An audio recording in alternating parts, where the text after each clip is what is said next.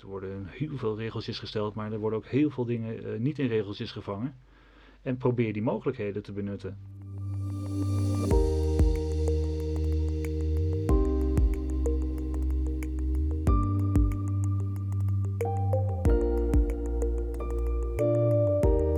Welkom bij de Gunfactor, de podcast over de wereld van aanbesteden en het winnen van interessante overheidscontracten.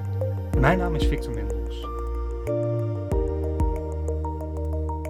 In deze podcast ga ik in gesprek met vakgenoten over wat het tegenwoordig inhoudt om aanbestedingen en complexe offertes te winnen. Tijdens de interviews staan niet de taaie procedures centraal. De focus ligt al te vaak op de strikte regels. Ik wil juist een ander geluid laten horen en ga in gesprek met personen die ik bewonder om hun visie en de eigenwijze koers te varen. Hoe gaan ze te werk? Wat zijn de grootste uitdagingen? En natuurlijk inspirerende verhalen uit de praktijk en tips waarmee je verder kunt. Dit en meer hoor je allemaal in de nieuwe podcast De Gunfactor.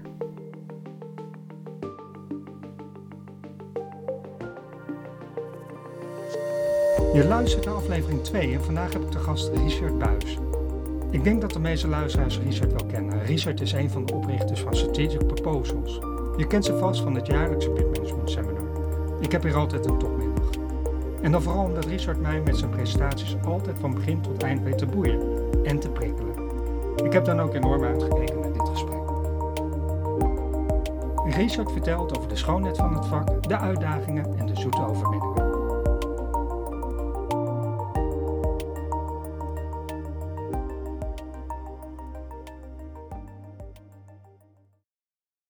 Welkom bij weer een nieuwe aflevering van de Gunfactor. Vandaag hebben we te gast Richard Buis. Leuk dat je er bent, Richard. Dankjewel. Uh, we beginnen altijd met opstaan. Hoe start je de dag? Um, nou, vooral moeizaam. Uh, ik, ik, sta redelijk vroeg op, uh, richting koffiezetapparaat. Uh, daarna is vaste prik geworden de laatste jaren om een uurtje te gaan sporten. Um, Iedere ochtend? Iedere ochtend inderdaad, weer en wind, ren ik naar buiten. En, en strompel ik daar een paar kilometer voort. Um, een ontbijtje en, en dan ben ik pas een beetje klaar eigenlijk voor sociale contacten. Dus dat, dat is mijn ochtendritueel. En kijk je dan meteen op je telefoon of drink je eerst een bak koffie? Of uh, hijs je meteen in de kleren? Het is inderdaad de telefoon uh, als, als alles afgelopen is. Nee, ik, uh, ik, ik, het is eerst het ritueeltje even volgen, even ontbijtje doen, even rustig zitten, even bijkomen. En, en dan begint voor mij pas de werkdag. Ja. Kijk aan. En daar hoort een telefoon bij. Netjes dat sporten zeg. Mm, doe je lang? Je ziet het niet aan me af, maar ik doe het al een tijdje inderdaad. dat, ja, ja, ja. Oké. Okay. Uh, Richard, wat wilde je eigenlijk worden toen je vroeger klein was? Uh, rijk en beroemd, met name. Ehm, Want je bent gestart als inkoper, toch? Ik ben gestart als inkoper. Dat was een absoluut verkeerde keuze. Um, weinig, weinig prettige ervaringen, weinig fijne herinneringen aan. Het enige goede wat eruit is gekomen, dat ik inderdaad heel snel een, een, duidelijk beeld kreeg van wat de mogelijkheden aan de andere kant van de tafel waren. En, en daar zag ik inderdaad een veel leukere wereld, een, uh, een veel ambitieuzere wereld, een veel commerciëlere wereld, een, een wereld met meer ondernemerschap daarin. dus ik ben zo snel mogelijk eigenlijk naar de andere kant van de tafel verhuisd. Dat, dus ik ben twee, bijna drie jaar inkopen geweest en dat was meer dan voldoende. En, en toen je klein was, wat, wat waren toen, je ideeën? Rijk en beroemd zijn? Ja, rijk en beroemd. Uh, nee, geen idee. Ik had, ik had niet een duidelijk vastomlijnd plan van, van brandweerman, piloot of dat soort dingen. Uh, nee, ik, ik ben eigenlijk overal ingerold. En heb je dan ook bepaalde rolmodellen nu, zeg maar, in het dagelijks leven? Um, nu, nee, ik vind rolmodellen vind ik altijd moeilijk. Er zijn mensen die inspireren, er zijn mensen uh, waar je wat van meeneemt. Um, ik, uh, degene die bij ons wel eens een training hebben gevolgd, die, die zien een paar van mijn helden aan de muur hangen in de trainingszaal. Um, Marco Pierre White. Marco Pierre White hangt daar inderdaad pontificaal. Is, is, ik wil het geen rolmodel noemen, maar is wel een man die, uh, ja, waar, waar ik inderdaad een, ah, een overeenkomst zie in, hoe je naar je werk kijkt, hoe je met een aantal dingen omgaat. Uh, en daardoor wel een inspiratiebron, ja. En rugby speelt volgens mij voor jou ook een belangrijke rol? Uh, rugby vind ik inderdaad, nou ja, buiten dat het een erg leuke sport is, is met name de aanpak die, die Clive Woodward, die hangt bij ons in de trainingszaal. de rugbycoach van het eh, Engelse team, wat in, in 2003 wereldkampioen werd na een hele lange tijd. Ehm, daarin, daarin zien we een mooie parallel met hoe voor mij bid en proposal managers de, met hun vak zouden kunnen omgaan. Hij heeft inderdaad eigenlijk alles tegen het licht gehouden. Hoe je met trainingen kon omgaan, hoe je met voorbereiding kon omgaan, hoe je met spelregels kon omgaan. En dat, dat, is, dat vind ik dan wel een, een soort van inspiratie voor mijn eigen vak. Ja. Kun je, kun je een voorbeeld geven van een van de zaken die je... Um, nou, wat, wat ik heel frappant vond, uh, of frappant, wat ik opvallend vond binnen uh, zijn verhaal, is toen hij begon met coachen uh, van het Engelse team, is dat nou, bij, tijdens rugby heb je penalties die uitgedeeld worden voor bepaalde overtredingen. En dat niemand binnen het Engelse rugby eigenlijk wist hoe ze daar nou mee om moesten gaan. Dat gebeurde niet heel vaak. Scoren deden via een try en niet vanaf het veld via een penalty. En als zoiets van ja, als, als mensen eigenlijk gewoon niet de mogelijkheden van de spelregels weten, uh, wij als Engels team niet, maar ook onze tegenstanders niet. Uh, misschien zitten daar wel mogelijkheden om, om snel te verbeteren en snel beter te worden dan anderen. Dus hij heeft inderdaad uh, scheidsrechters ingehuurd, zijn spelers laten onderwijzen in alle spelregels die er zijn voor rugby. En dat zijn er heel veel. Um, zodat ze gewoon weten wat de mogelijkheden zijn van de spelregels. Om, om dat geweldig, al uit te buiten. De en overeenkomsten dat, met ons vak zijn natuurlijk daar. Absoluut, absoluut. Dat, uh, en, en, dat soort zaken. Uh, hoe bereid je ergens op voor? Is je voorbereiding optimaal? Uh, speel je het belangrijkste toernooi van je leven en lig je de avond daarvoor in een krakkemikkig hotelletje of lig je in een luxe vijf sterren hotel? Het, het, bepaalt hoe jij het veld op gaat de volgende dag. En dat, over iedere stap nadenken. Uh, ja, vind, vind, ik heel erg gaaf als je dat inderdaad. Uh, weet dat competitieve element uh, daaruit meeneemt. En absoluut met als enig doel winnen. Ja. En wat, wat typeert jou nou het best, zeg maar, Richard? Ben je ijverig? Uh, ben je liever lui? Ik denk dat ik ehm, plichtsgetrouw ben, zeg maar, een soort van verantwoordelijkheidsgevoel heb binnen mijn werk, waardoor ik ijverig misschien kan overkomen. Ik ben, ik ben van nature gewoon erg lui. Uh, als het allemaal op een makkelijke manier zou kunnen, zou ik het zeker doen. Uh, maar ik denk zeker binnen je werk dat eigenlijk bijna niets op een makkelijke manier kan. Dat je daar altijd tijd, moeite en uh, nou, vooral tijd en moeite in moet steken. En, dat, nou, misschien, ik, ik, hoop dat dat een ijverige indruk wekt, maar dat.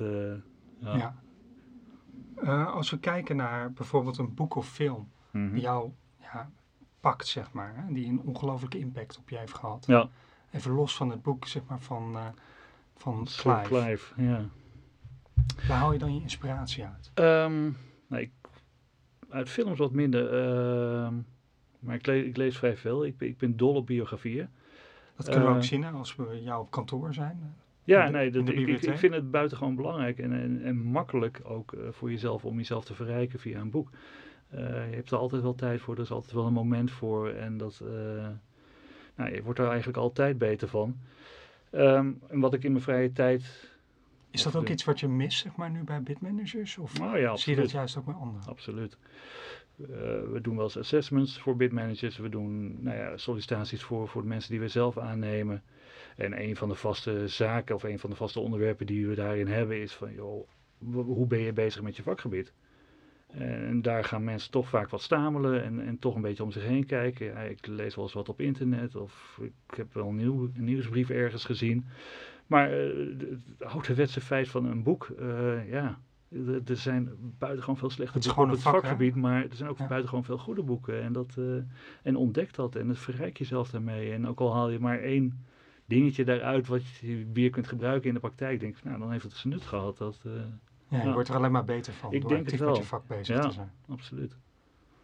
En heb je een voorbeeld nog van een, eh, van een leuk boek voor de luisteraars waarvan je zegt van joh, dit is nou eens een leuk boek. Ehm, misschien je wereld een klein beetje ja, op Ja, wat, wat- wat, mij, eh, toen ik begon met het bid en proposal management, en zolang is de beste man er ook al, is Tom Sand. Eh, tegenwoordig mogen we het een, een concurrent noemen, maar ik denk niet dat er concurrenten bestaan. Het zijn, het zijn vakbroeders, het zijn eh, mensen die dezelfde liefde voor het vak hebben. En ik vind dat hij inderdaad een van de eerste boeken heeft geschreven die inderdaad op die manier naar offertes keek.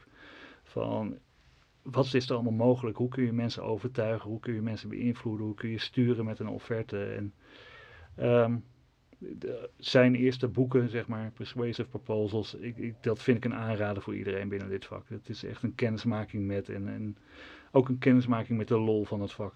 Mooi, dan schrijven we die op. Ik zou die zeker opschrijven, ja. Hoe, hoe, ziet, hoe ziet een werkdag er voor jou doorgaans uit? En want we, we schieten in de proposals, dat is Ja. hartstikke mooi. Mhm. Dat is ons vak ook. Ehm, ja, mijn, mijn, mijn vakgebied blijft daarbij wel hetzelfde. Mijn, mijn dagen zijn wel anders gevuld. Het ligt er een beetje aan eh, wat ik doe. Ik geef vrij veel training eh, op bid en proposal management. Dat betekent dat ik soms eh, dagen, eh, zo niet weken in kantoor zit met voorbereidingen eh, voor trainingen, voor de inhoud daarvan. En dan eindelijk naar buiten mag om de training te geven. Ehm, we doen af en toe ook benchmarks, benchmarks bij bedrijven. Dat betekent dat ik eerst bij bedrijven eh, heerlijk eh, kan praten en daarna alsnog inderdaad op het kantoor opgesloten zit om, om rapporten te schrijven. En met wie praat Eh, je dan binnen bedrijven? wat zeg je? Met wie praat je dan binnen bedrijven? Met iedereen die ook maar in de verste verte, verte iets met proposals te maken heeft. Dus van de kennisexperts tot de bidmanagers zelf, tot directie, tot noem het maar op. In welke vorm komen zij in aanraking met proposals en hoe kun je inderdaad daar de informatie uithalen om, om dat proces beter, makkelijker, efficiënter, op wat voor een doelstelling ze ook hebben, te kunnen laten gaan. En zie je ook overeenkomsten vaak? Ik praat met sales en die zegt vaak het ligt daaraan. Of ik praat met directie en die Ja. hebben een ander beeld erbij. Het, eh, bij sales ligt het altijd buiten zichzelf, maar dat geldt voor ons vakgebied ook. Bij bidmanagers mogen we ook graag het probleem buiten zichzelf zoeken. Ehm, dus dat is heel herkenbaar overal, dat daar een strijd is. Terwijl eh, nou, twee functies binnen welke organisatie dan ook die aanvullend zijn, dan zijn het wel bidmanagement en sales in, in mijn optiek. Ehm, en, en ik denk inderdaad, als je kijkt naar, naar management daarboven, is, is het belang, en dat is ook wel eens mijn chagrijn in, in het hele verhaal binnen ons vakgebied, het belang eh, dat gehecht wordt aan een managementafdeling, eh soms wat onderschat wordt. En, en dat is nou, in de meeste organisaties waar wij in eerste instantie komen eh, wel het geval. Er, gaat heel, wat- er wat gebeurt doet- heel veel binnen een, een eh, binnen managementafdeling.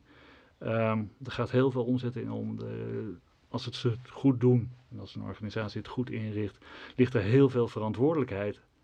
En eh, soms wordt het toch nog wel iets als een administratieve taak of te veel supportive taak eh, beschouwd binnen een organisatie. En wat kunnen we daar als bidmanagement meer aan doen? Eh, in ieder geval je stem verheffen, maar ook verantwoordelijkheid nemen. Ik denk dat we het af en toe ook wel heel makkelijk vinden om, op, om een beetje achterover te zitten, te steunen op onze kennis die we hebben van, van regeltjes en aanbestedingsregeltjes en zaken die veel mensen niet interesseren binnen de rest van de organisatie, waardoor je een soort van koninkrijkje hebt gesticht. En, en dat is ook wel prettig en dat, dat maakt je misschien... eh, dat je je comfortabel voelt binnen je rol, binnen je afdeling. Maar dat betekent niet dat je veel verder gaat komen. En, en dat betekent ook niet dat je inderdaad eh, heel erg bezig bent met je zichtbaarheid binnen een organisatie te verhogen. Dat, eh, Dit is geen vak veel- muurbloempjes natuurlijk. eh, eigenlijk niet, nee. nee het, Eigenlijk zeg je, ja, Ja, ja er zit, het is natuurlijk wel een vakgebied waar heel veel.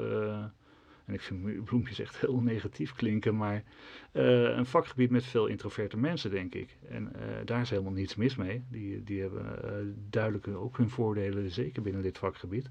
Maar hebben ook als nadeel dat het show- en dansgedeelte om binnen een organisatie bekend te worden, nou, niet helemaal bovenaan de agenda staat. Helder, helder. En zijn er zaken die je kunt meegeven aan die mensen? Ik hoor je in ieder geval zeggen, Ja. spreek je makkelijker, hè? spreek je meer uit? Wat, wat ik iedere afdeling meegeef, wat ik altijd het leukste start vind, is, is vier je succes. Laat duidelijk zien dat je succesvol bent. En eh, ook al is het succes in het begin even niet, eh, desnoods als je door een RFI bent heen gekomen of, of een klein succesje hebt geboekt, maak het groot, blaas het op. eh, zorg dat een organisatie daarvan af weet. En, en doe een vrijdagmiddagborrel om successen te vieren, maar zorg dat er een sfeer van succes om, om je Ja, afdeling creëer heen een winnersklimaat. Ja, absoluut. Dat, eh, mensen gaan erin mee, willen daar bij gaan horen, vinden het leuk op die manier. Het is allemaal veel positiever. En ik denk dat dat een prima eerste stap is altijd. Dat, Want ik eh, merk ook wel eens dat mensen het niet leuk vinden om aan bits te werken. En dat vind ik altijd jammer. Ja? Want Nou, ja. op het moment dat je elkaar weet te vinden en in die flow komt met elkaar, dan is er natuurlijk niks gavers dan dat. Dat, nou, dat, ja, dat, ook dat, dat ben ik niet helemaal met je eens. Ik denk als ik inderdaad uh, een product manager ben en ik word weer voor de zoveelste keer gevraagd om aan een bid mee te werken. Terwijl ik word afgerekend op andere zaken, terwijl mijn functie uh, andere zaken betreft. En dit heel veel van mijn tijd opslokt, ook nog eens binnen een termijn die mij waarschijnlijk niet uitkomt. Um, ja, dan vind ik dat je heel veel aan mensen vraagt. Natuurlijk, alle begrip. Maar ja. dat betekent dat de organisatie je daarin ook moet faciliteren. Precies. En, uh, en daar kom je een beetje met kip in het ei. Um, hoe ziet of welk belang hecht de organisatie aan jou als bitmanagementafdeling? Aan, aan de output die jij oplevert. En, en, dat is waar we het net over hadden. Uh, Want Richard, ik merk zelf wel eens hè, dat uh, nou ja, bitmanagement nog ook wel eens inderdaad een beetje een ondergeschoven kindje is of niet genoeg zichtbaar. Mm. Nou, jij, jij, geeft net als suggestie van vier successen. Mm -hmm. Stap ermee andere, ja. Maar aan de andere kant uh, denk ik ook wel eens dat er jou als bitmanagement afdeling dat je meer best practices mag delen binnen de organisatie. Door bijvoorbeeld lunch en learns te organiseren. Of door op een andere manier met ja, zeg maar de key stakeholders of de mensen die vaak aan bits meewerken, mee te nemen in de laatste ontwikkelingen op bitmanagement vlak. Ja, de, de, absolute mogelijkheid. Uh, ik vind het eigenlijk het, hetzelfde. Natuurlijk sta je erachter en natuurlijk is dat prima om te doen. Ik zie daar wel de parallel met hoe je ook vaak naar klanten reageert. Van kijk, ons eens goede dingen doen. En eigenlijk wil je eigenlijk je kennisexperts en mensen die je nodig hebt binnen je organisatie, wil je eigenlijk zien als klanten. Dus misschien kun je het leven wat makkelijker voor ze maken. Dus in principe uh, kun je beter mensen helpen om hun tijd beter te besteden aan, wat jij ze vraagt, dan ze mee te nemen in jouw werk. als ik daar een voorbeeld van geef, ik vind het prima om aan iemand te vragen, joh, schrijf eens voor mij een, stukje over dit en dit onderwerp. Uh, maar dat gaat alle kanten op. Of ik krijg een paar regels terug in een mail, of ik krijg vijf pagina's met alles wat hij of zij weet over dat onderwerp, of ik krijg helemaal niets omdat mensen daarop uh, doodslaan. Um, ge geef ze templates daarvoor, geef ze een kapstok ervoor, geef aan wat je precies van ze verwacht, geef aan wat goed is in jouw ogen. En geef mensen, maak het zo makkelijk mogelijk om ze aan, aan de gang te krijgen. En ik denk dat het dan veel fijner uh, is om met jou samen te werken als bitmanager. Mm -hmm. Als je mij ook helpt om de dingen te laten doen uh, die jij wil zien van mij. En dat ik ook het gevoel krijg dat ik goed aan? bezig ben. Dan denk je bijvoorbeeld aan? Ik zit met, uh, dat is met name inderdaad van, joh, wat, wat krijg ik uit uh, mijn accountmanager, wat krijg ik uit mijn kennisexpert, hoe betrek ik management erbij. Dat, dat, daar zul je zelf een aantal zaken voor moeten aangeven. de, de eeuwige oorlog die we hebben van, we, we hebben niets aan accountmanagement. het is altijd de eerste wedervraag, maar wat hebben ze aan jou? Um, je kunt elkaar enorm helpen in wat je moet doen om, om bepaalde informatie boven tafel te krijgen. Informatie die jij nodig hebt voor je, voor je offerte. En die zij probleemloos kunnen halen als ze het maar weten dat je dat nodig hebt. En die communicatie die, die zul je echt op gang moeten brengen. Richard, je vertelt net uh, dat je uh, veel trainingen geeft mm -hmm. op dit moment. En daarnaast ben je natuurlijk directeur van Strategic Proposals. Mm -hmm. Dus daar zou ook nog wel wat werk uitkomen. Ja. Pak je nog wel zelfs zelf bit, bits op? Ja, ja, ja. Um, ja, waar, waarbij voor mij het grote voordeel is, is dat ik daar inderdaad een beetje de kers uit de pap kan pakken. En de kers uit de pap zijn voor mij de wat langlopende trajecten. Uh, waar je inderdaad het nodige voorwerk nog kunt verrichten voordat een RFP uitkomt. Um, waar je um, hopelijk zelfs nog wat invloed op het team hebt. Uh, waar, waar een gecontroleerd proces is, uh, gecontroleerd met name zoals wij het dan heel graag zien. Um, dus ja, dat, dat soort trajecten, trajecten van een paar maanden of langer, uh, die, die pak ik heel graag zelf op. Dat zijn er niet heel veel per jaar. maar als ze er zijn, dan, ja, dan, dan sta ik wat, zelf wat altijd vooraan. Wat dan jouw manier van werken daarin? Hoe pak je dat? Hè? Nou, ik ben buitengewoon geïndoctrineerd natuurlijk door ons eigen uh, proces. Uh, nou, ik laat dat ook best practice gewoon noemen. Um, dus dat, dat is voor mij een automatische leidraad. Maar dat betekent niet dat de wereld daar A op zit te wachten of, of B van sowieso van het bestaan af weet. Dus um, meestal begint het inderdaad van even de toelichting. Wat, wat is het raamwerk? Waaruit werken we? Wat is de doelstelling daarvan? Uh, wat, wat, proberen we te bereiken tijdens het proces? Met wie proberen we het te bereiken? Uh, het is vaak inderdaad heel veel achtergrond geven en aan de andere kant toetsen met wie je het moet gaan doen. Dat, dat is vaak de eerste aanpak die, of de eerste sessie die, die we met dat soort klanten. zijn, zijn er dan ook zaken waarvan je denkt van hé, hey, dit doe ik nou anders dan anderen? Of dit gun ik bitmanagement meer? Als ze hier wat meer nadruk op leggen. Wat, wat, wij anders dan anderen doen, is dat we inderdaad wel uh, denk ik, iets doelgerichter zijn. En, dat klinkt heel positief en dat kan soms inderdaad best tijdens zo'n proces heel vervelend uitpakken. Dat betekent dat we inderdaad het antwoord willen hebben op onze vragen. Omdat we denken dat dat nodig is binnen het proces. En dat kan wrijving binnen een proces veroorzaken.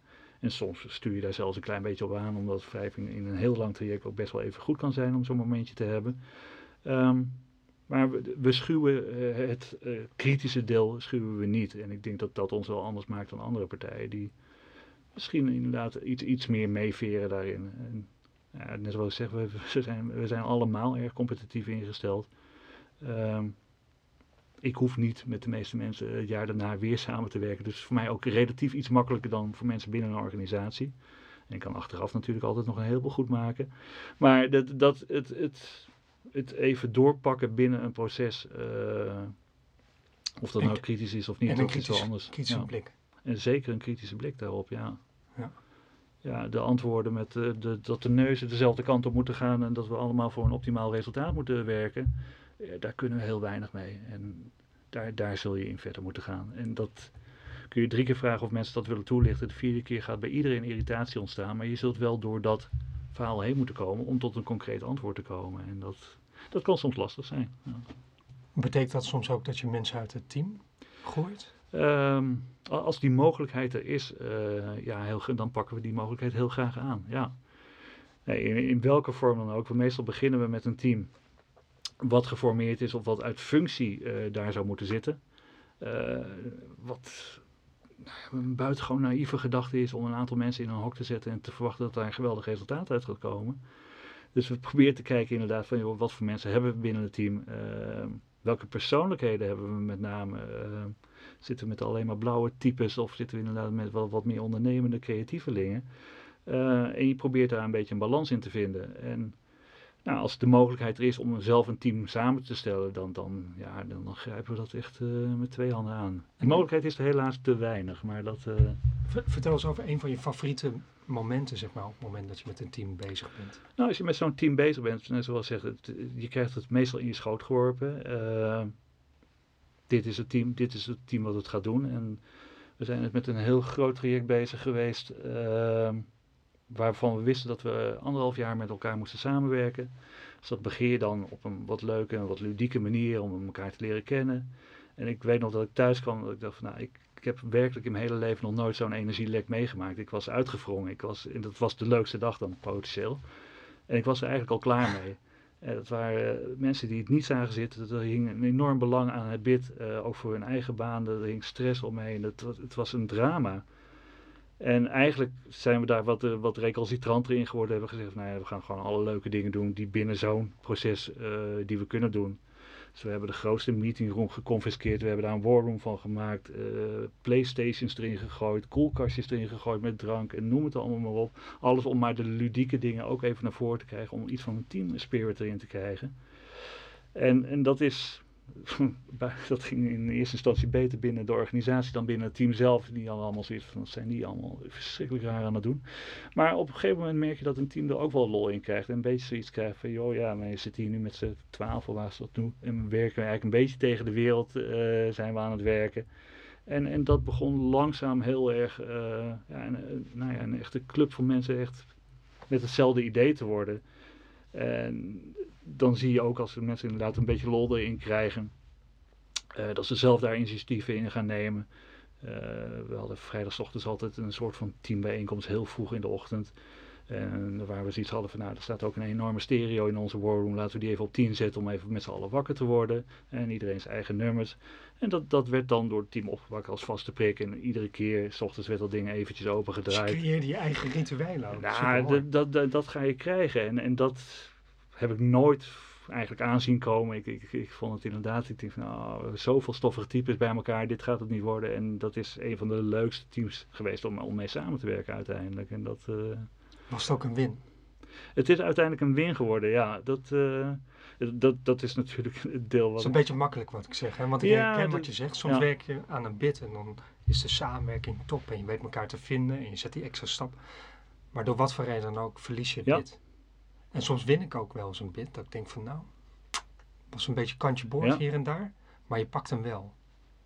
Wat Ja. kunnen we, herken je dat? En wat kunnen Nee, we ik- daarvan meepakken als, ja, als, als vakgroep, zeg maar? Ja, het, het- tuurlijk gebeurt het altijd dat je een keer verliest en je denkt in, in hemelsnaam hoe is dit mogelijk geweest dat we dit hebben verloren. En ik denk ook niet dat daar een remedie tegen is dan, dan vooral een week echt heel, heel erg oversomberen en, en vooral ook weer doorgaan daarna. Maar wat wij als strategic proposal, maar wat ik zelf heel erg belangrijk vind, is dat ik in ieder geval als ik iets ingeleverd heb, het gevoel heb van ik heb er alles aan gedaan. Maar dan ook daadwerkelijk alles aan gedaan.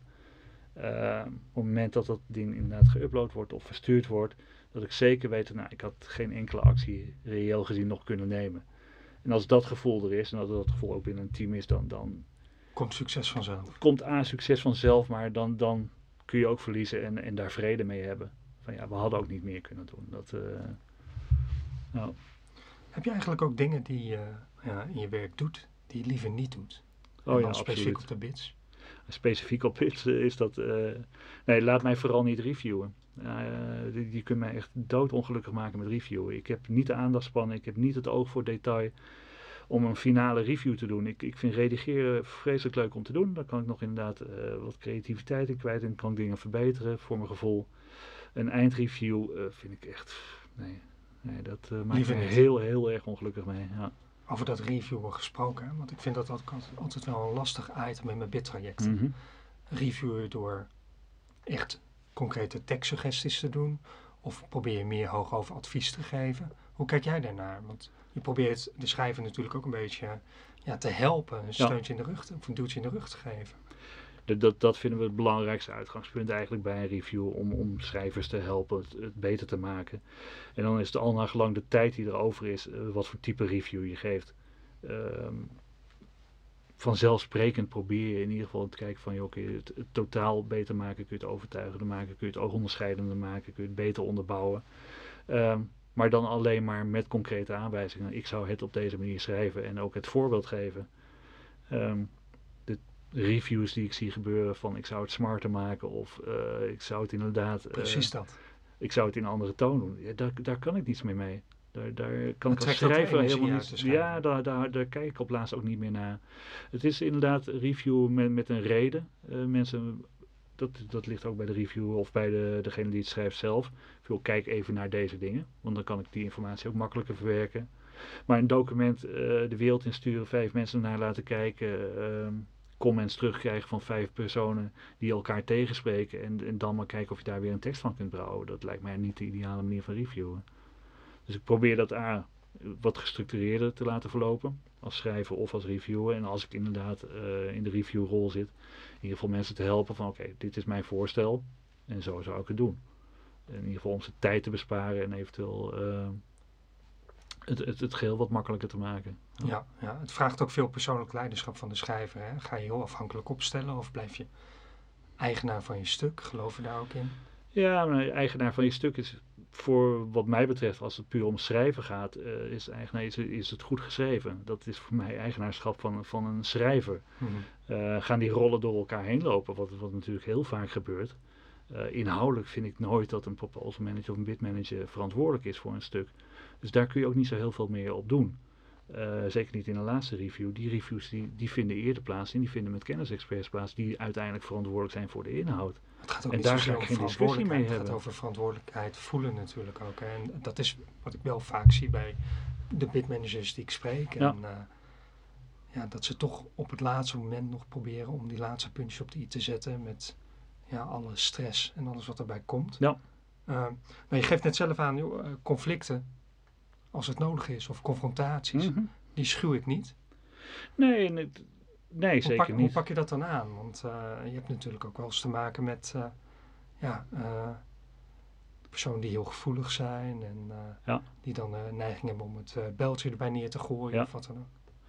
Ehm, vooropgesteld, laten we zeggen, ik, ik ben zo conflictmijdend als de pest. Dus het is zeker niet mijn favoriete situatie waar ik in terecht ben gekomen dan. Dat, ehm, maar het kan zijn dat we zeker binnen een groep dat het, eh, het vuurtje even, of een beetje olie op het vuur gooien, het vuurtje opstoken, eh, even kan helpen om een groep door een bepaalde fase heen te krijgen. En dan probeer je met name de dynamiek binnen de groep even eh, op scherp Ja, te of de krijgen. scherpte. eh, Ja, even de, daar inderdaad wat scherper. Gaat het met mensen persoonlijk, vind ik dat een stuk moeilijker. En is, is inderdaad ook een stuk lastiger om mee om te gaan. Ik ben wel uh, heel erg een voorstander van, en dat is ook een beetje doelgericht, en dat is misschien ook wel een, een slecht punt van ons, of van mij. Ik maak er meteen ons van als het om een slecht punt gaat. dat, uh, dat, ik, dat ik inderdaad in een bid gewoon door wil gaan. Dus dat ik inderdaad, uh, hoe noem je dat, wat slachtoffer onderweg maak. toch een beetje met in mijn achterhoofd zit, dat maken we straks wel weer goed. en dat maak je soms niet meer goed. soms is het inderdaad op, op een nare manier gegaan. Uh, hoewel ik daar in de afgelopen twaalf jaar, ik denk misschien maar één voorbeeld van heb waarvan ik denk, nou, dat had ik mooier kunnen aanpakken. Uh, dat geeft ook meteen aan voor hoe vaak het gebeurt. Maar het, het kan gebeuren. Ik, ik zit met een, als bidmanager, als ik verantwoordelijk ben voor een groot bid, met een ander doel dan iemand van de leden. En het bid gaat voor wat mij betreft. Ja. Altijd. Oké, maar je hebt ook te maken met een hele periferie van, van, van mensen, van managers, van afdelingen die je wat van vinden of die je naar kijken. Hoe manage je dat? Um, een heel mooi voorbeeld is wat, wat wij ooit binnen Strategic Proposal hebben gehad uh, van mijn Engelse collega's. Die zoiets hadden van, joh, wij zijn nu een jaar aan het werken. Het ging om ambulance diensten in Londen. Uh, we zijn nu een jaar aan het werk. Uh, iemand van directie is een keer langsgelopen op de afdeling en die zegt van, nou, dit gaan we niet de deur uitsturen. En dat escaleerde de hele dag door. En aan het eind van de dag had ik mijn Engelse collega aan de lijn en die had zoiets van, ik weet het gewoon echt niet meer. Iedereen lijkt opeens tegen te zijn. We zijn hier twaalf maanden mee aan, aan, aan, aan bezig geweest. We hebben nog een paar weken om echt de puntjes op de i te zetten. Ik kan het niet meer omgooien. En nou, mijn, mijn, mijn, collega uit Engeland, uh, John, is daar uh, binnengevlogen. Ik ben vanuit Nederland zijn we overgevlogen en zijn met z'n drieën gaan zitten van nou, wat kunnen we doen op de site van de klant. En we zijn naar boven gelopen naar de directiekamer, gevraagd wie er nou daadwerkelijk verantwoordelijk was voor het bid. En hebben eigenlijk allemaal, we zijn allemaal niet zo hele grote helden, hebben we gezegd: oké, iemand die niet verantwoordelijk is voor het bid, de kamer uit. En dan gaan we verder met de mensen die wel verantwoordelijk zijn. Dus we hebben daar negen man de kamer uitgestuurd. Uh, dat was heel stoer op het moment. We hebben daar een uur na zitten trillen toen het allemaal voorbij was. Want, nou, nogmaals, wij zijn niet zo, zulke enorme helden. Maar dat, dat was inderdaad van ja, dan, dan moet je even daarboven staan. Van, joh, het gaat in, om enorm veel geld. Het gaat om banen in dit geval. Uh, iemand met een mening is hartstikke leuk, maar even nu niet. Uh, die mening die was al gevormd. Dus ja, dat is een afweging die je maakt. Uh, en en dat, ja, dat, dan moet je af en toe even gewoon doorgaan. Dat is een moeilijke keuze. Het is een hele moeilijke keuze. Het, is, het, is, het, gaat, het druist tegen alles in wat je, uh, hoe je wil samenwerken. We, wij, we zijn heel erg van, nou ja, het is een leuk vakgebied. Je kunt er heel veel in kwijt. Uh, het is met name ook de samenwerking, omdat je naar een bepaald doel toe werkt, kan waanzinnig gaaf zijn. En dit soort dingen wil je eigenlijk niet hebben. En hoe kan je het ook managen? Hè? Bijvoorbeeld, ik heb uh, in mijn bidtrajecten vaak een stuurgroep. Ja. Met een afvaardiging vanuit de directie of vanuit management. En die probeer ik wekelijks, of in ieder geval periodiek, op de hoogte te houden van uh, ja, de voortgang en de mm -hmm. status en de lastige bochten. Ja. Om ze goed te betrekken. Mm -hmm. Maar nog steeds zie ik nog wel eens dat er dan mensen vanuit de periferie zich ermee proberen te bemoeien. Ja. En hoe vang je dat af? Ja, ik vind het soms lastig om heel eerlijk te zijn. Ja. Meestal loop ik naar die persoon toe. En dan ga ik het gesprek aan. En dan leg ik uit wat de consequentie is van dat gedrag. Ja. En soms gaat dat goed. Soms ook niet. Soms wordt dat minder gewaardeerd. Maar ja, ik ben wel altijd een type die uh, ja, dan het bid maar centraal probeert te stellen. En dat vind ik ook makkelijk hoor. En dan bid is in plaats van voor mezelf en naar die persoon toe te stappen en het uit te spreken. Ja. Maar ik ga er wel altijd vanuit dat, het, dat de intentie goed is. Uh, en dat, dat helpt me ook wel. Dat geeft me ook wel rust. Mm -hmm. Omdat ik anders ook wel ja, een beetje een vervelend gevoel soms over het bidtraject kan hebben. En er een beetje chagrijnig van wordt. Ja. Nee, dat is helder. Het is waarom wij uh, een vaste stap binnen ons proces is content planning, waarmee je probeert iedereen die ook maar een mening mag en kan hebben binnen een organisatie, uh, op één lijn te krijgen van joh, dit is het antwoord wat we gaan geven. Dit is wat we gaan doen, dit is de aanpak. Je hebt al een strategie sessie gehad. Um, ik verwacht niet meer dat er aan het einde of gedurende dat traject uh, volkomen andere zaken. Uh, wel, wel maar je hebt natuurlijk wel eens voortschrijdend maar dat inzicht. Wel, precies. Ja. En voortschrijdend inzicht, als het heel erg goed is en heel erg belangrijk is. En ook jou als bidmanager zegt, ja, dat kan ik niet omheen, dan, dan moet je daar wat mee. Maar in principe wil ik het naast me neerleggen. En dan, die vroeg in het begin uh, mijn, mijn rolmodellen. En dan vind ik het inderdaad het rolmodel van, van, van een kok, een, een chef die inderdaad probeert van, joh, ik sta op drie sterren niveau te koken. Um, en iemand zegt van, ja, nou, ik, vind, ik vind de slagroom toch net even niet lekker. Of ik zou er geen slag om op doen. Dat, dat, dat is niet meer de fase waar je in zit op dat moment. Nee, Daar kun je achteraf over praten, prima. Maar als je denkt van nee, dit is goed.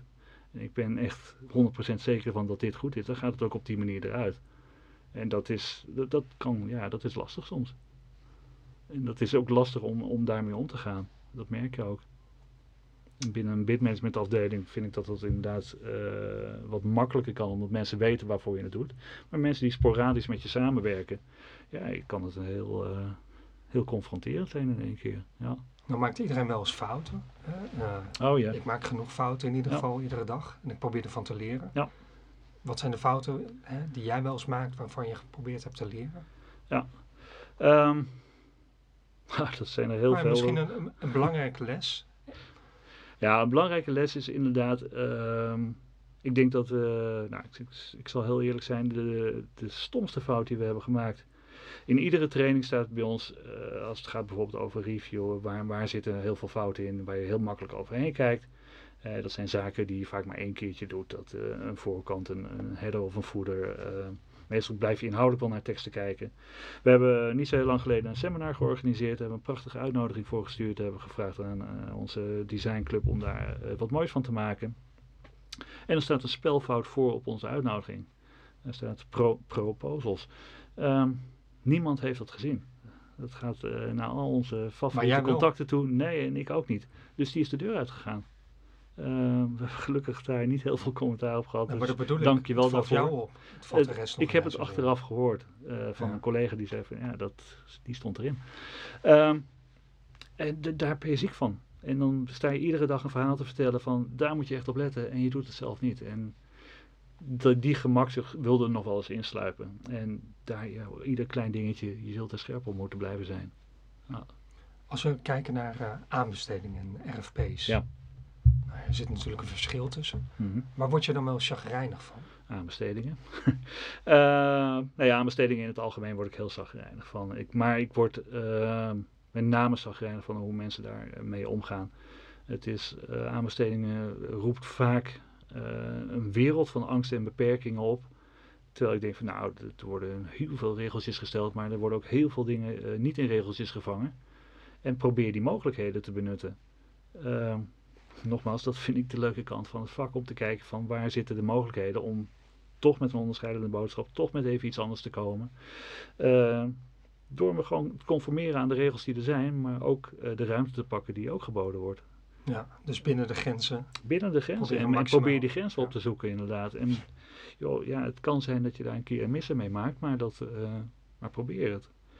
Als iedereen, zeker binnen aanbestedingen, een keurig antwoord geeft, dan hebben we allemaal een 8. En dan wordt het heel moeilijk kiezen ook voor, voor aanbestedende partijen. Dus probeer ook Steek je, daar. ja, steek je hoofd uit. Ja, steek je kop absoluut. uit boven Ja. het maaiveld. Ja. Hoe productief zijn we dan eigenlijk als ja, beroepsgroep? Hoe bedoel je productief? Nou, hoe goed doen wij het als bidmanagement? Hè, bid en proposal management. Als je daar een cijfer voor zou mogen geven in het algemeen. Als beroepsgroep ehm, er zijn misschien mensen die tijdens de Nederlandse APNP conference, eh, waarin ze 15 jaar bestonden, heb ik een keynote mogen geven. Eh, daar heb ik mijn chagrijn eh, toen uitgesproken. Dat is, en dat geeft het aan van hoe goed doen wij het. Er zit bij mij zeker een, zeker chagrijn van. We hebben het extreem goed gedaan als je kijkt naar de afgelopen tien jaar. En ik denk dat we het nu in een periode zitten de laatste jaar waar we het extreem slecht doen, omdat we heel erg happy zijn met waar we zijn gekomen. Ik denk toen wij twaalf jaar geleden begonnen hier in Nederland, eh, dat wij een enorme inhaalslag hebben gemaakt. Als we kijken naar bijvoorbeeld Engeland of Amerika, van hoe professioneel we het hebben aangepakt, er zijn enorme stappen ingenomen. Maar je ziet nu dat landen eh, om ons heen eh, verder gaan en wij een beetje ingedut zijn. Op welke vlakken zijn we ingedut? Uh, met name op, op vlakken van uh, onszelf onderscheiden. We zijn heel erg gefocust binnen Nederland op, op de aanbestedingswereld. Nou, wat ik net aangeef, dat, dat uh, zorgt blijkbaar voor een automatische beperking bij mensen. Ehm, en dat er zijn zelfs mensen die het een race to the bottom noemen. Ja, nou, daar, daar zit ook nog wel een deel van waarheid in, denk ik. Um, maar daarbuiten is nog een hele wereld van, van, uh, van profit natuurlijk. Maar sowieso, uh, het stopt daar niet. je kunt inderdaad jezelf overal bij neerleggen van dit is de situatie die er is. Of je kunt proberen de situatie te veranderen. Maar als we drie zaken dan mogen veranderen, welke zijn dat? Drie zaken die we beter kunnen doen. A, denk ik dat je, uh, dat wijkt hier een klein beetje vanaf, nou ja, steek je kop uit, uh, probeer dingen, zorg uh, met, met innovatie, ja, met vernieuwing, precies, probeer inderdaad echt wel de lol van je vak erin te ontdekken en kijk wat je allemaal kunt doen om een onderscheidend verhaal te brengen. Um, maar een hele andere kant betekent ook van neem je vakgebied serieus. Um, het, het, is een vakgebied. Het bestaat al uh, meer dan 40 jaar. Er is een theoretisch raamwerk, er is een opleiding, er is alles om het een formeel vakgebied te maken. En toch uh, stuit je heel vaak uh, bij mensen en bij organisaties nog op heel veel vooroordelen of meningen van dit is, dit is goed of dit is zoals het hoort. Waarvan ik denk ja, prima om een mening te hebben, maar baseer het ergens op. En het is vaak nergens op gebaseerd naar mijn gevoel. Laten we ons vak dan te veel kapen door ja, mensen met een grote mond? Ja, of? denk ik zeker. Hoe lang ik al niet inderdaad tegen de, de spreekwoordelijke bierkij vecht van uh, offertes worden gewonnen door goede schrijvers. Nou, je, je kunt mij niet meer geïrriteerd krijgen om te openen met, uh, met die stelling. Uh, onzin. Het, het, is zoveel genuanceerder dan dat. Natuurlijk is het prettig om, om een goed leesbaar verhaal te, te lezen. Maar er is nog nooit een offerte gewonnen door een goed leesbaar verhaal alleen. Het gaat om inhoud, het gaat om zoveel meer zaken dan goed schrijven. En, en die nuance mis ik heel vaak. En, en dat soort stellingen die eens door iemand zijn geponeerd, worden opeens waarheid. En daar, daar kan ik me echt heel erg aan storen. Ja. Dus daar, daar ligt zeker een schone taak om te kijken van nou ja, wat is nou daadwerkelijk goed? Wat blijkt goed te werken en, en ga daarop verder. En neem je vak gewoon serieus. Even een klein, het is misschien een klein zijstapje, maar uh, hoe is dat toen gegaan met APNP? Hoe hebben jullie dat naar Nederland gebracht? Um, wij, wij, wij kenden het uh, vanuit uh, Engeland en Amerika. Wij, we zijn Strategic Proposals van origine een Engelse organisatie, maar we hebben ook een clubje in Amerika zitten. Mijn beide collega's, directeur in Engeland en in Amerika, um, mijn Amerikaanse collega is de oprichter van APNP. Uh, eh, een van de oprichters, er zijn 13 mensen geweest. Uh, John, mijn collega in Engeland, is de oprichter van APNP in de UK. Uh, ehm, ik en Janneke zijn de oprichters van de APNP in Nederland.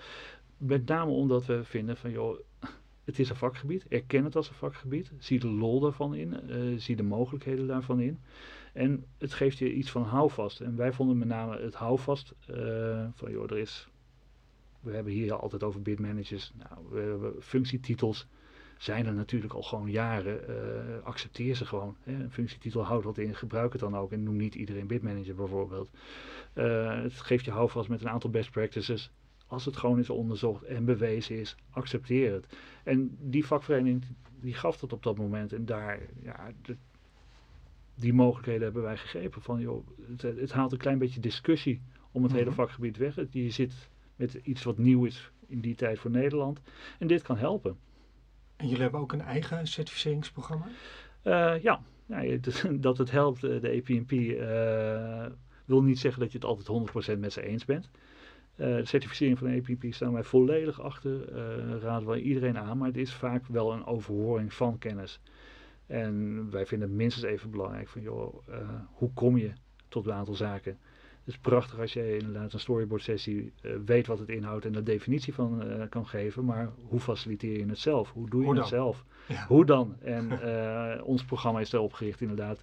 Allezelfde best practices zoals de APNP propagandeert. Maar dan, hoe dan? zodat je inderdaad niet alleen het theoretische deel weet, maar ook het praktisch kan uitvoeren. Ja. De eerste groep is al geweest daarvoor? Hè? Ja. Ja, de volgende groep start in november inderdaad. En, en ja, nou, ik, hoop dat het werkt. De eerste groep is, eh, is erg enthousiast erover geweest. Van, nou, het, niet alles lukt binnen onze organisatie direct. Maar de zaken, uh, zoals een win hebben ze bijna eigenlijk allemaal uh, nu ingevoerd binnen hun proces. En ze weten en ze voelen zich comfortabel erbij om, om dat te faciliteren. En, en dan zie je ook dat balletjes gaan rollen binnen organisaties. Van oké, ah, dit is wat je bedoelde. En het is niet meer onze strategie wat wij fijn vinden, maar wat een klant fijn vindt. En goh, we gaan een keertje naar de concurrentie kijken. En zo komen er heel veel dingen uh, wat makkelijker binnen een organisatie binnen. Mooi Richard. We hadden het er net over, ook bij het begin van het gesprek al, over af en toe het spanningsveld tussen sales en bidmanagement. Mhm. Terwijl dat eigenlijk natuurlijk gewoon een tandem moet zijn. Zou moeten zijn, ja. Wat kunnen we daar als, wat kunnen we daar als bidmanagement nog verder aan doen? Ehm, ik denk met name sales helpen in ehm, hun proces wat makkelijker te laten lopen. Wij, wij als bidmanagers ehm, hebben een bepaalde hoeveelheid informatie nodig. Hè, we willen de zaken weten van klanten, we willen zaken weten van concurrenten, we willen zaken weten van alles wat daar omheen speelt, over welke opportunity dan ook. En ik denk dat heel veel account management, heel veel sales zoiets heeft ja, pff, vraag het me maar. Prima als ik een onderwerp heb, als ik bij mijn klanten zit. Prima als ik iets misschien proactief moet gaan brengen bij klanten om ze te beïnvloeden, om te sturen. Maar voed me. En ik denk dat met name het voeden van eh, account management, sales, eh, een belangrijke eerste stap is. Je ziet dat dat ook eh, binnen het vakgebied. Eh, het is jammer dat ze overal een aparte term aangeven. eh, capture management, wat ze nu noemen. Het is eigenlijk de rol eh, die tussen sales en bid management in zit. Van joh, we hebben een bepaalde opportunity of we hebben een specifieke opportunity. Daar moeten we een aantal dingen voor doen. Daar moeten we heel veel data voor verzamelen. Maar dat moeten we wel samen doen. Mooi. En dat zit daarin verpakt. Dus ik denk dat dat een goede eerste stap is. Hoe kijk je naar initiatieven als beter aanbesteden en dat soort zaken? Die, Ja, ik, ik, hoewel ik eh, er niet onderuit kan komen en ik ook inderdaad zelfs nu weer eh, mijn lesje jurisprudentie en alles heb gehad, probeer ik weg te blijven bij het onderwerp aanbesteden. Omdat ik gewoon aanbesteden is voor mij nog steeds een, een grote offerte die ik moet maken. Eh, en zo probeer ik het ook aan te vliegen. En nog een grote offerte met iets meer regeltjes. Dat is het. En, en ik hoop dat ik dat kan vasthouden om het op die manier te blijven zien. Ehm, dus alles rondom aanbestedingen wat geen directe invloed heeft op, op de manier waarop ik ga offreren, eh, probeer ik buiten te blijven. Nou, dat lukt natuurlijk niet, maar ik probeer het wel. Want probeer het in ieder geval niet in mijn vakgebied te betrekken. dat ons vak ja, gekaapt wordt door juristen en aanbestedingsspecialisten. Ja, eh, absoluut. dat laten we ook zelf toe. Hè? Dat, is En dat, dat is het denk ik ook. We laten het ook zelf toe. En het is inderdaad eh, elkaar de loef afsteken dat we inderdaad toch in een jurisprudentiegevalletje meer weten dan een ander, is ook best gaaf om te zeggen. Maar ik denk dat je ook je, je vakvolwassenheid eh, op een Mhm. andere manier kan laten blijken. Als je nou één ding bij aanbesteden mocht Mhm. ja, verwijderen of aanpassen of verbeteren, wat zou dat dan zijn? Ehm, nou, het liefst, het liefst, en dat is heel ongenuanceerd, zou ik inderdaad ben ik ben gewoon geen voorstander van aanbesteden. Ik, ik zie alleen de theoretische voordelen daarvan, maar in de praktijk heb ik daadwerkelijk dat soort dingen nog nooit, eh, of zelden, maar ik kan het ook niet overdrijven, zelden gezien. Objectiviteit, transparantie, al dat soort basisbeginselen. Ja, dat is op papier prachtig, maar in de praktijk zelden. Ehm, maar als ik daadwerkelijk binnen de aanbestedingsregels, eh, ik vind eh, de rol ehm, die, het, die het MKB krijgt, die, die vind ik overdreven. Ik denk niet dat je bedrijven, organisaties moet forceren of, en misschien maak ik het te zwart-wit, moet forceren om, om met MKB te gaan samenwerken of ze kansen te geven. Grote organisaties, als ze een voorkeur hebben voor MKB's, dan zullen ze die mogelijkheid absoluut in hun inkoop of in hun RFP's laten zien. Als ze die voorkeur niet hebben, moet je daar ook maar bij neerleggen. Waarom zou je dat proberen een, een huwelijk te forceren tussen twee partijen die elkaar niet gaan trekken? En een- als een MKB echt iets te bieden heeft, dan, dan groeit hij daar wel in verder. En dan biedt hij die mogelijkheid ook voor grotere, grotere organisaties. Richard, we kennen elkaar nu al een tijdje, een paar Mhm. jaar ondertussen. En ik ga altijd eh, met veel plezier naar het seminar wat jullie ieder jaar weer organiseren. Is er nou nog ook een bepaald motto wat jou inspireert? Ehm, nou, om heel eerlijk te zijn, ik, ik, ik hou best wel van, van, van quotes en, en van, van wijsheden, maar ik heb niet echt een, een levensmotto of een motto waar ik mezelf heel erg aan vasthoud. Ik vind, eh, nou, een, een, een van de mensen die ik inderdaad wel eens eh, heb horen zeggen van winnen en succes is een kwestie van een aantal kleine dingen tot in perfectie goed doen. Eh, vind ik inderdaad eentje die ik prettig vind om altijd even bij een training of bij een bidtraject even te memoreren. Maar of ik me daar zelf nou altijd aan hou. Nee, het is, ik vind Misschien is dat het enige tegeltjeswijsheid. Uh, winnen, winnen gaat nooit heel makkelijk. Maar uh, toch weer misschien is dat de vergelijking met uh, de, het, het, het is altijd sport of, of koks ja. of dat soort zaken. een competitieve wereld, daar hebben we gewoon veel mee overheen. Maar of daar levensmotto's voor mij in zitten, nee, dat, nee, daar ben ik niet zo van. Dat, wat, wat, wat, zijn je dromen? Wat houdt je bezig nu voor de toekomst? Heb je bepaalde doelen? Dr dromen is, is, valt bij mij in datzelfde categorie. Dromen vind ik bijna, het is een droom als het bijna niet te behalen valt. Uh, dus waarom zou je jezelf daarmee frustreren? Dus iets bereikbare doelen, uh, die zijn er meer dan genoeg. En zowel voor mij privé als zakelijk is volgend jaar een, buitengewoon druk jaar uh, met, met de verhuizing en verhuizing van kantoor. Um, heel veel nieuwe zaken binnen ons portfolio over capture management. We zijn sponsor van de eerste Europese conference waar we ook spreken. Er zijn heel veel dingen die op ons afkomen. Uh, daar, daar redelijk vlekkeloos doorheen komen, dat, dat vind ik al een doel aan zich. Dus het wordt een gaaf uh, jaar. Het wordt het buitengewoon gaaf jaar, denk ik, inderdaad. En, en dat vind ik altijd mooiere doel. Te behalen, te behappen en uh, hopelijk succesvol af te sluiten. Mooi Richard, we komen langzaam een beetje aan het einde van ons gesprek. Zijn er nog zaken die we niet benoemd hebben waarvan je zegt van joh, het is misschien goed om daar nog even bij stil te staan? Het kan niet vaak en lang genoeg over bid- en proposal management gaan. Ik vind uh, het enige puntje waar, waar ik inderdaad altijd even mee zit, we noemen het vaak bidmanagement. Uh, waarvan wij zoiets hebben van nou, bidmanagement is een te ruim begrip. Ga je alsjeblieft verdiepen. Ik ga, ik ga niet mijn, mijn preekje, wat ik al twaalf jaar doe, uh, zeggen over proposal management en alle andere zaken eromheen doen. Maar probeer jezelf te verdiepen in te kijken of er is iets meer is dan bidmanagement alleen. Dat, uh, dat het inderdaad uiteenvalt in heel veel leuke zaken. En misschien kun je jezelf wel specialiseren in een van die zaken. Dat, uh, zodat je inderdaad wat langer binnen het vakgebied actief kan blijven. Hartstikke mooi. Dankjewel voor dit gesprek. En zo zijn we aangekomen bij het einde van deze podcast, waar we een prachtig beeld kregen van Richard Buis. Ik ben altijd onder de indruk van de wijze waarop Richard omgaat met vragen. Hij weet mij in ieder geval goed wakker te houden. Je luistert naar de Gunfactor. Abonneer je vooral op deze show via iTunes en Spotify en voel je vrij om een achter te. Dat is ook een enorme prijs, want dan kunnen we weer beter gevonden worden door andere podcastluisteraars. En vergeet vooral niet deze podcast te delen op LinkedIn of Twitter. Ik ben er ook gewoon te vinden en benaam me daar gerust voor vragen of opmerkingen en laat vooral weten wat je denkt van dit initiatief.